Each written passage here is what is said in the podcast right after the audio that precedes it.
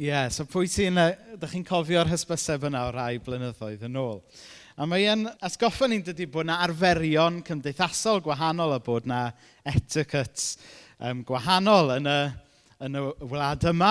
Mae e'n rwyd i beidio clirio'ch plat, ond yn China mae e, e'n cael ei ystyried bod chi'n cwestiynu um, pa mor hael ydy'r sawl sydd yn eich bwydo chi os ydych chi yn clirio eich plat. A rheswm pam o'n i eisiau chi drafod etiquette a pam bod ni wedi dechrau bore yma drwy wylio'r ffilm yna yw oherwydd beth sydd gyda ni bore yma yn y Fengil Luc ydy hanes ynglyn â sut mae Iesu yn dysgu am y newyddion da, yn dysgu am fyddeiant, a hyn drwy beth sy'n digwydd dros bryd o fwyd yn tŷ Seimon. So mae'r darlleniad bore yma yn dod o lyc penod saith dechrau darllen yn adnod 36. Roedd un o'r phariseaid wedi gwahodd Iesu i swper.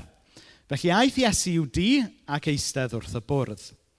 Dyma wraig o'r dref oedd yn adnabyddus am ei bywyd anfoesol yn clywed fod Iesu yn cael pryd o fwyd yng nghartre'r pharisead. Ac aeth yno gyda blwch hardd yn llawn o bersawr. Plygodd y tu ôl iddo wrth ei draed yn crio. Roedd ei dagrau yn gwlychu ei draed. Felly sychodd nhw a'i gwallt a'i cusanu, ac yna tywallt y persawr arnyn nhw. Pan welodd y dyn oedd wedi gwahodd Iesu beth oedd yn digwydd, meddyliodd, petai'r dyn yma'n broffwyd, byddai'n gwybod pa fath o wraig sy'n ei gyffwrdd. Dydy hi'n ddim byd ond pechadurus. Ond dyma Iesu'n dweud wrtho, Simon, dwi eisiau dweud rhywbeth wrtho ti. O beth athro meddai? Roedd dau o bobl mewn dyled i fenthyciwr, arian. 500 denarios oedd dyled un, a hanner can denarios oedd dyled y llall.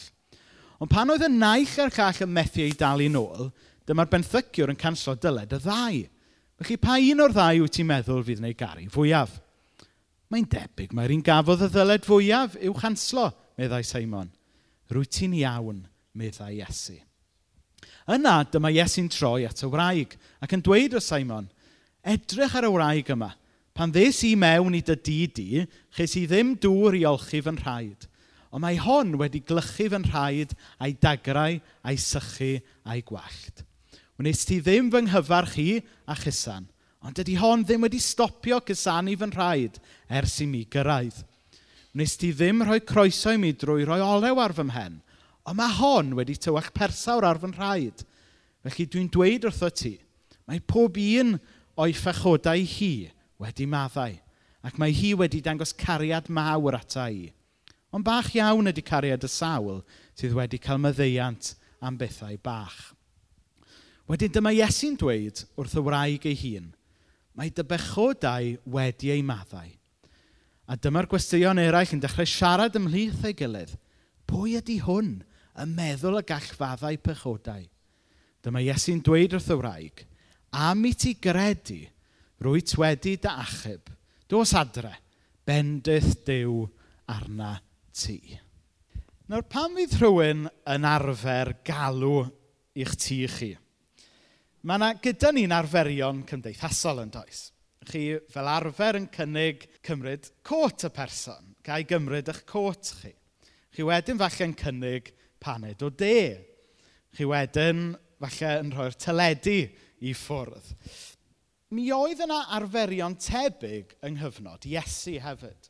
Pan oedd rhywun yn arfer galw i'r tŷ, yr arfer oedd cyfarch y person gyda cysan.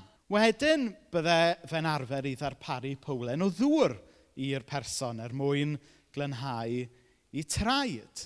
A bydde fe hefyd yn arfer darparu olew iddyn nhw eneinio'i hunain cyn cael pryd o fwyd, a wedyn bydde fe'n arfer um, rhoi tywel i'r person i sychu i traed wedyn. Ond beth sy'n drawiadol yn yr hanes yma o efengilic yw bod dim un o'r pethau yna yn cael ei darparu i Iesu. Felly yn syth bin, mae yna densiwn yn yr awyr. Mae yna awkwardness yn yr awyr. Achos fod Seimon heb roed y croeso byddai rhywun yn ei ddisgwyl pan nath Iesu alw. Felly, mae'n amlwg reit o'r dechrau fod, fod y dyn yma heb wahodd Iesu achos bod e eisiau rhoi croeso i Iesu. Ond mae e'n gwahodd Iesu achos bod e eisiau cyfle i brofi Iesu. Mae eisiau cyfle falle i drio dal Iesu allan. Ac heddiw falle, i ni'n gallu gwerthfarogi hynny. Falle bod chi wedi bod i di rhywun. A chi wedi teimlo bod na ddim croeso, bod, bod nhw heb gynnig uh, cymryd eich cotchi, bod y tegell heb fynd mlaen. Ac dwi a tegwedd yn gymdogion, felly, felly dwi'n siŵr gael faddeiant gan tegwedd. A pan o'n i'n galw i weld tegwedd uh, pan, a, pan oedd hiw Anwyl gyda ni, weithiau ni'n cyrraedd, a oedd hiw arfer dweud, oedd y e, teledu mynd off, a, a tegwedd, rwch y tegiach mlaen. Ond droion eraill, pan o'n i'n troi fyny, a'r ffwtbol mlaen, oedd y teledu'n aros mlaen, cewch chi siarad efo tegwedd. Dyna ni'n cael gan yr anwyl hiw. Ac, a falle bod, bo chi'n gallu feddwl am, am enghreifftiau tebyg. Troion le chi wedi cael croeso a troion le chi'n galw efo rhywun am o'r ffwtbol mlaen. Ond mae'n darlunio'n dda yn dydy. Chybod, adegau le ni yn cael croeso a adegau le ni ddim yn teimlo bod ni'n cael croeso. A wedyn yn yr hanes yma, mae, mae Iesu yn tŷ Seimon. A wedyn, mae'n amlwg fod y wraig yma wedi dod i mewn.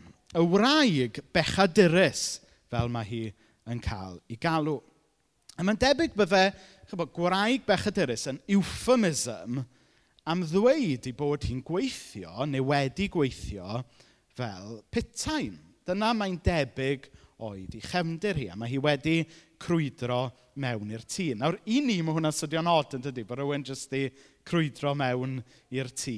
Ond yng nghyfnod y Beibl, mi oedd cartrefi pobl, oedden nhw'n llefydd lot llai preifat na gyda ni falle'n gweld yn cartrefi ni heddiw. Felly, bydde fe'n rhywbeth lot fwy arferol. Hynny, mae rhai ohonych chi o'r genedlaeth hun, falle'n cofio pan oedd yn cymdeithas ni'n debygach i hynna, oedd pobl mewn ac allan o dau i gilydd yn lot fwy naturiol a neb yn cloi y drws ac yn y blaen. Wel, ar genhedlaeth hun falle yn gallu gwerthorogi sut oedd hwn yn rhywbeth oedd yn digwydd yn fwy naturiol. A wedyn oedd y wraig yma wedi crwydro i mewn. A wedyn, yn sydyn reit, dyna hi wedyn yn crio wrth draed Iesu. A dagre hi yn mynd dros i draed e. Dyna hi wedyn yn glynhau draed e. Dyma hi'n tywallt yr persawr drud yma dros ei draed e. A dyma hi wedyn yn sychu ei draed e gyda i wallt e. Ac ar y pryd, mi fydde hyn yn rhywbeth eitha siocing i ddigwydd.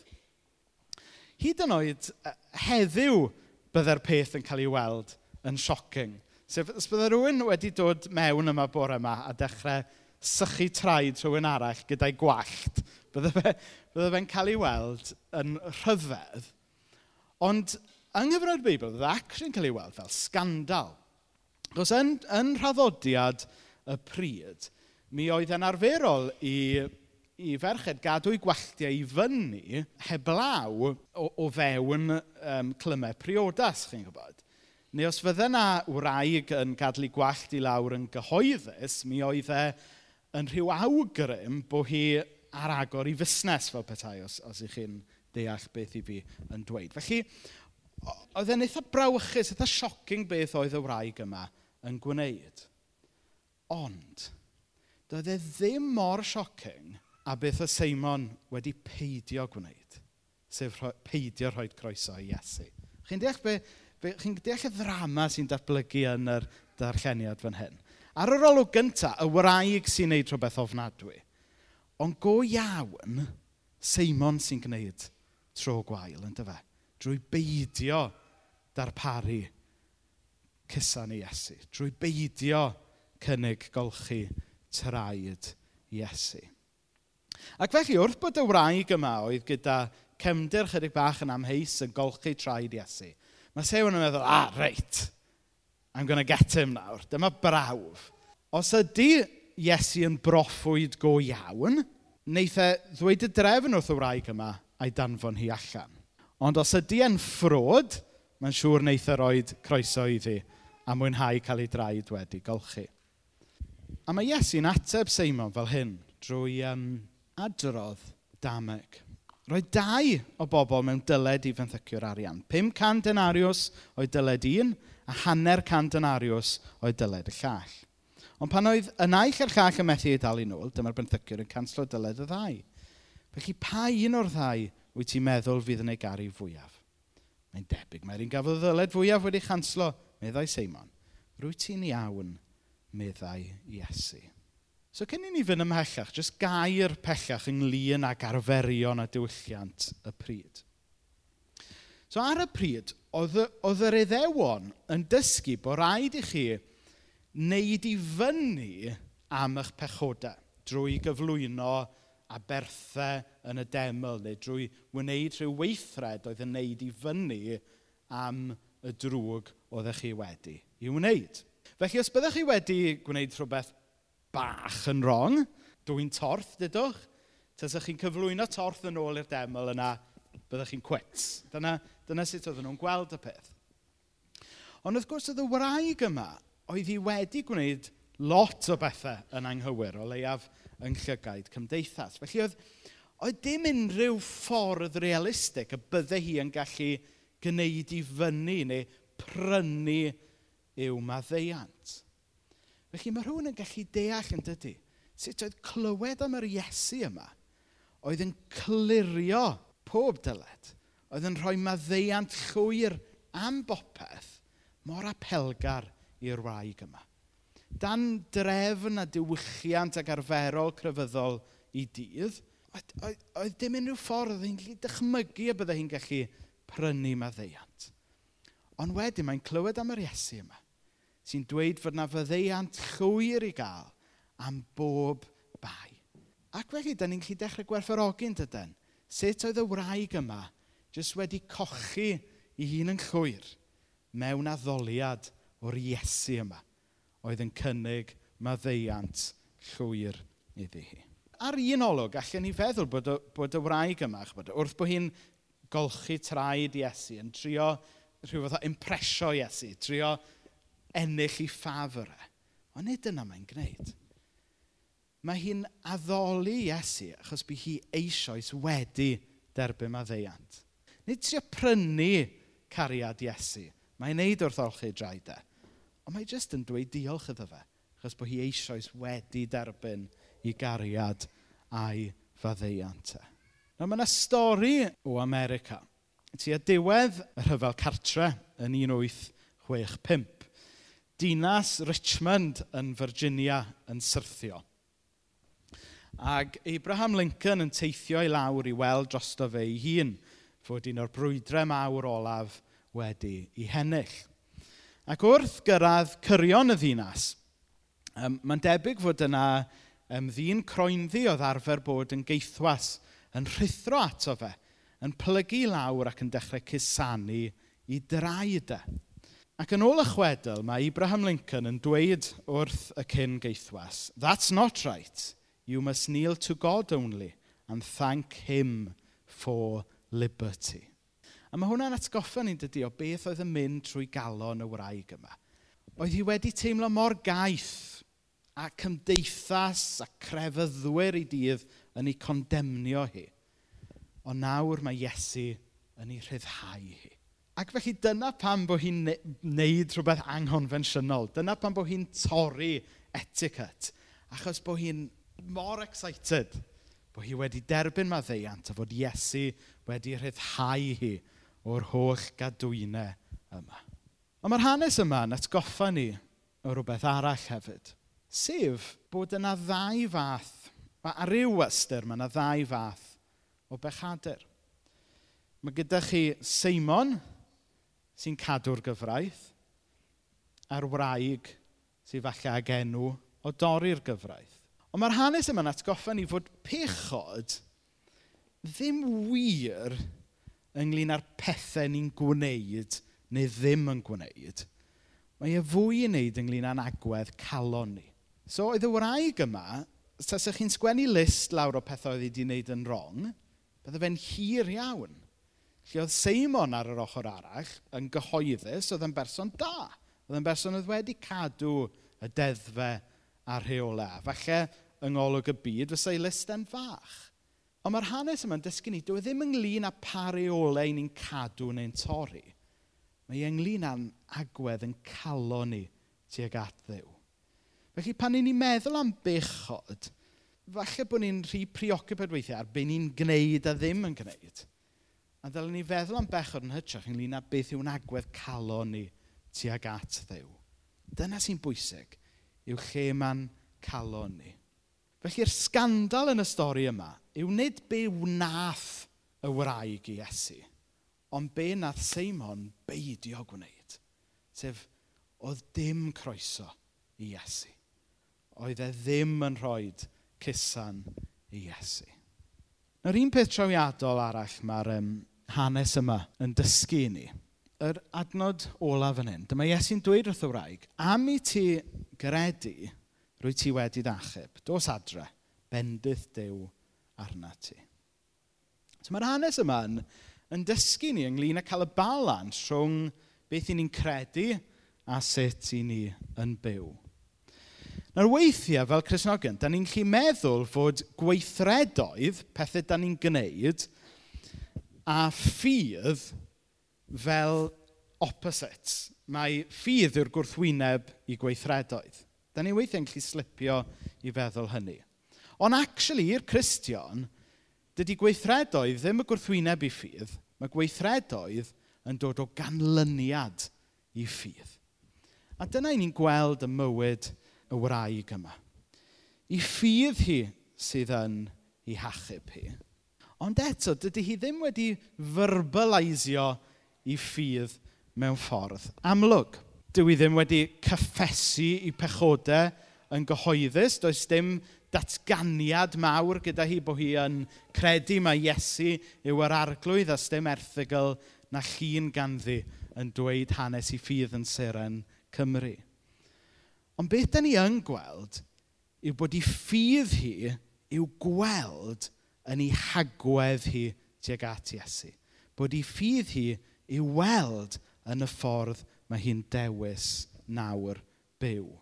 A dyma sut oedd hi'n um, esbonio'r Beiblaidd yn rhoi y peth. The woman does not utter a single word, yet Jesus commends the power of her faith. What is the content of the wordless faith that he perceives and praises? With Paul, faith for Jesus is composed of one, intellectual assent, two, a daily walk of trust, and three, a response in obedience. Biblical faith is never merely something we think, It is also something we do. A mae hynna mor bwysig yn dydy, a ni'n gweld hwnna yn yr stori yma gan hanes y wraig yma. I ffydd hi yn Iesu oedd yn ei hachub hi, am hwnna'n amlygu hi'n yn ei hagwedd ac yn ei gweithredoedd hi tuag at Iesu. Felly, jyst i grynhoi bore yma. Mae'r stori yma'n atgoffa ni fod Iesu'n cynnig maddeiant i bawb. Oedd, oedd y wraig yma, ddim bod fi eisiau neu ffys amdano fe, ond yng ngolwg y byd, yng ngolwg cymdeithas, oedd y wraig yma yn eitha ryff yn redu. A mae Iesu'n gallu toddi a gwneud rhywbeth newydd a hyfryd y mywyd pawb, gan gynnwys pobl ryff yn redu. A'r cwestiwn ydy'n chrysnogaeth saff Cymraeg dosbarth canol ni. Da ni yn gyfforddus gyda hynna. Oes ganddo ni yr un calon a Iesu. Falle bod rhywun yma, falle ddim yn yr union rhywun sefyllfa ar wraig, ond falle bod rhywun yma meddwl, mae, mae gymaint o bachodau, mae gymaint o feia yn y mywyd i. Sut all ddiw faddau un fel fi? Wel mae Dyw yn maddau, yn cynnig maddeiant, yn cynnig cariad, yn cynnig dechrau newydd i bawb. Dychmygwch nawr bod gan ddiw a Iesu Grist gyfrifiadur. Ydych chi'n rhoi eich dyledion a'ch pechodau i gyd mewn i'r cyfrifiadur yma? A dyma'n un botwm sydd ar y cyfrifiadur yna gyda Iesu, sef clirio'r cyfan. Dyw e ddim yn, wel, dim ond hyn a hyn a chai gynnig maddeiant amdano heddiw, so na i fadda hanner o dy bechodau di. Na, nid fel na mae'n digwydd. Mae Iesu yn dweud bod e'n clirio yr holl bechodau. Y 500 a'r 50. Mae'n clirio y cyfan. Ac felly, falle bod rhai yn gallu unieithu gyda'r wraig. Falle bod chi wedi bod yn rebel. Falle bod chi wedi torri lot o reolau yng ngolwg Dyw ac yng ngolwg y byd. Ond falle bod yna rai eraill yma yn debycach i Seimon. Falle bod chi'n bobl da. Ddim wedi byw bywyd arbennig o wyllt wedi bod yn ffyddlon yn y capel, ddim wedi dwy'n erioed, sicr ddim wedi lladd erioed, ddim wedi mitio ysgol, ddim wedi dwy'n sweets, dim byd. Felly ar, ar yr wyneb, bod chi'n berson parchus a da. Gret. Ond cyflwr yn calon ni yw diddordeb Dyw. A da ni'n gallu cuddio cyflwr yn calon ni o'n gilydd, yn dydan? Reit da. Mae'n hawdd roi rhyw wyneb parchus mlaen. Ond mae Dyw yn gwybod le mae'n calon ni. So falle bod yna rai yma bore yma, falle bod chi'n llinieithu mwy gyda Seimon. Falle bod chi wedi bod yn byw rhyw fywyd ffals, a bod eich calon chi falle yn bell o ddiwrth ddew. Ond y newyddion da yw fod Dyw yn cynnig maddeiant i Seimon llawn gymaint ac oedd yn cynnig maddeiant i'r wraig. Dyna ni ddim yn siŵr sut na Seimon ymateb i'r gras a'r cariad yma, achos mae'r stori'n gorffen eitha abrupt. Ond mae yna alwad ar bob un ohono ni i ymateb i'r gras a'r myddeiant a'r cariad mae Iesu yn ei rhoi.